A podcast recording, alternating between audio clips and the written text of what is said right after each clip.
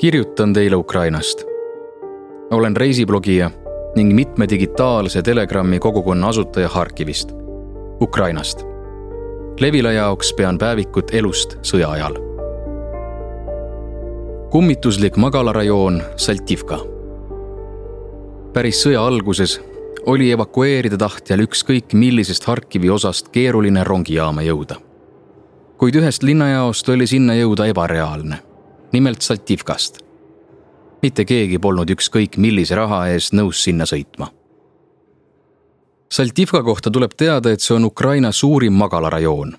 seal elab üle neljasaja tuhande inimese ehk umbes kolmkümmend protsenti Harkivi elanikkonnast see elamumassiiv asub linna põhjaosas ehk Venemaa piirile kõige lähemal.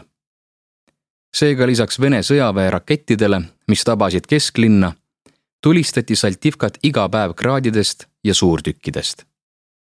ja nüüd, mil tulerünnakute intensiivsus on vähenenud ja Harkivi mõned osad hakanud ellu ärkama, on Saltivka muutunud kummituslikuks linnaosaks. kui muidu on metroo töö linnas taastunud siis Saltivkasse metroorongid siiski ei käi. sealsed metroojaamad on suletud, inimesed elavad neis ja kasutavad õhuhäire korral pommivarjendina. Kui kesklinnas reageerivad inimesed õhuhäirele juba lõdvemalt ja kergemeelsemalt, siis Saltivkas ei eirata turvameetmeid, vaid joostakse varjendisse või metroosse. paljud Saltivkas elanud inimesed on praeguseks kolinud teistesse turvalisematesse piirkondadesse, kuhu suurtükituli ei ulatu ja rakette pole kukkunud. taas kord Harkivisse naastes tahtsin kindlasti Saltivkas ära käia ja Vene maailma tegude tagajärgi oma silmaga kaeda. jah, Harkivi kesklinn on saanud ränki purustusi, kuid neid ei anna võrrelda sellega, mis on juhtunud Saltivkas normaalselt liikuda saab seal ainult autoga. siin tulid mulle sõbrad appi, kes laenasid oma auto ja palusid võimalust mööda vältida suurtüki tule alla sattumist. teine oluline moment Saltivka külastamisel oli leida kohalik, kes seda piirkonda hästi tunneks. mul vedas, et parajasti juhtus Harkivis viibima mu sõber ja reisiblogija Vlad. ta on põline Saltivka elanik, elas seal kuni sõjani otsustasime oma jõud kokku panna ja minna üheskoos linna põhjaossa ekskurseerima. Vlad peatus oma sõprade juures sellises linnajaos, kuhu sõja ajal on pagenud paljud Saltivka elanikud. ja kui ma tema juurde sõitsin, siis sattusin enda üllatuseks ummikusse, mida ei olnud sõja algusest saadik juhtunud. Harkivi sellesse ossa on tulnud nii palju uusi asukaid, et elu keeb seal umbes nagu südalinnas enne sõda ja kõigest pool tundi autosõitu lahutab seda elust pulbitsevat linnajagu Saltivkast. mida lähemale me sinna jõuame, seda vähemaks jääb autosid ja inimesi ning seda rohkem on tõkkeposte. Mingil hetkel tekib tunne, et oled sattunud mingisse vaakumisse. sõjaeelsed mälestused Saltivkast põrkuvad uue reaalsusega, mida aju tõrgub vastu võtmast. kõigepealt sõidame vaatama, millises seisus on Vladi korter sõja algus tabas Vladi mägedes, kus ta käis lumelauaga sõitmas. ta otsustas Harkivisse mitte naasta, kuna seda juba pommitati. Vlad jäi Karpaatidesse ja veetis esimesed sõjakuud seal. nüüd jõudis ta esimest korda pärast sõja puhkemist taas koju ning oli näha, kuidas ta korteri ust avades närvitseb. see teadmatuse hetk on kõige raskem. Vladil vedas tema korteris on lööklaine purustanud ainult rõduaknad. samuti vedas Vladi emal, kelle korter on rünnakutest puutumata jäänud. kuid kõik saavad ju aru, et sõda pole läbi ja see, et täna on maja terve, ei tähenda, et homme ei võiks mõni rakett selle hävitada.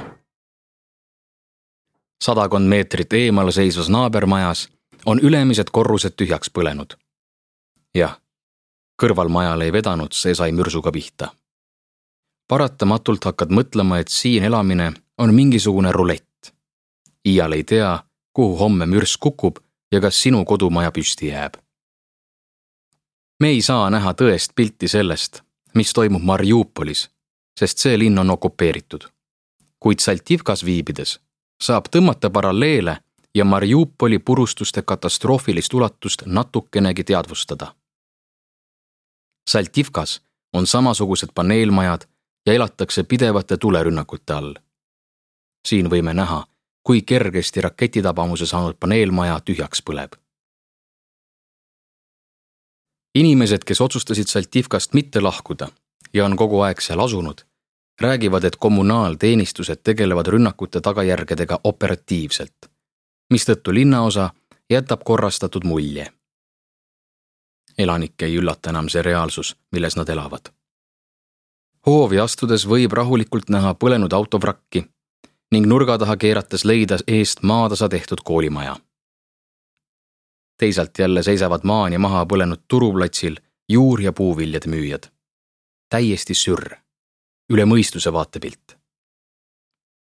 samas tükib pähe mõte, et elu võidab surma ning valgus pimeduse.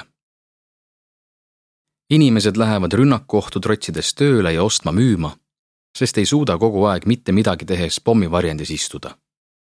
igaüks laseb sõja endast läbi ja leiab viisi sellega toimetulemiseks kohtasime mikrorajooni südames meest, kes meid tänaval peatas ja oma koju kutsus selgus, et ta korjab pärast rünnakuid raketi ja mürsukilde ning teeb neist väikeseid skulptuure.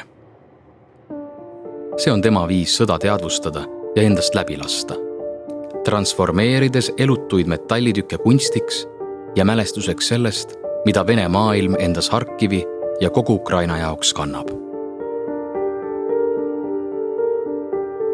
Autor Taras Kovaltšuk, tõlkija Veronika Einberg toimetaja Iisa Laan. audiolugu loeb Karmo Nigula. salvestus, helikujundus Janek Murd. originaalmuusika Konstantin Tsõbulevski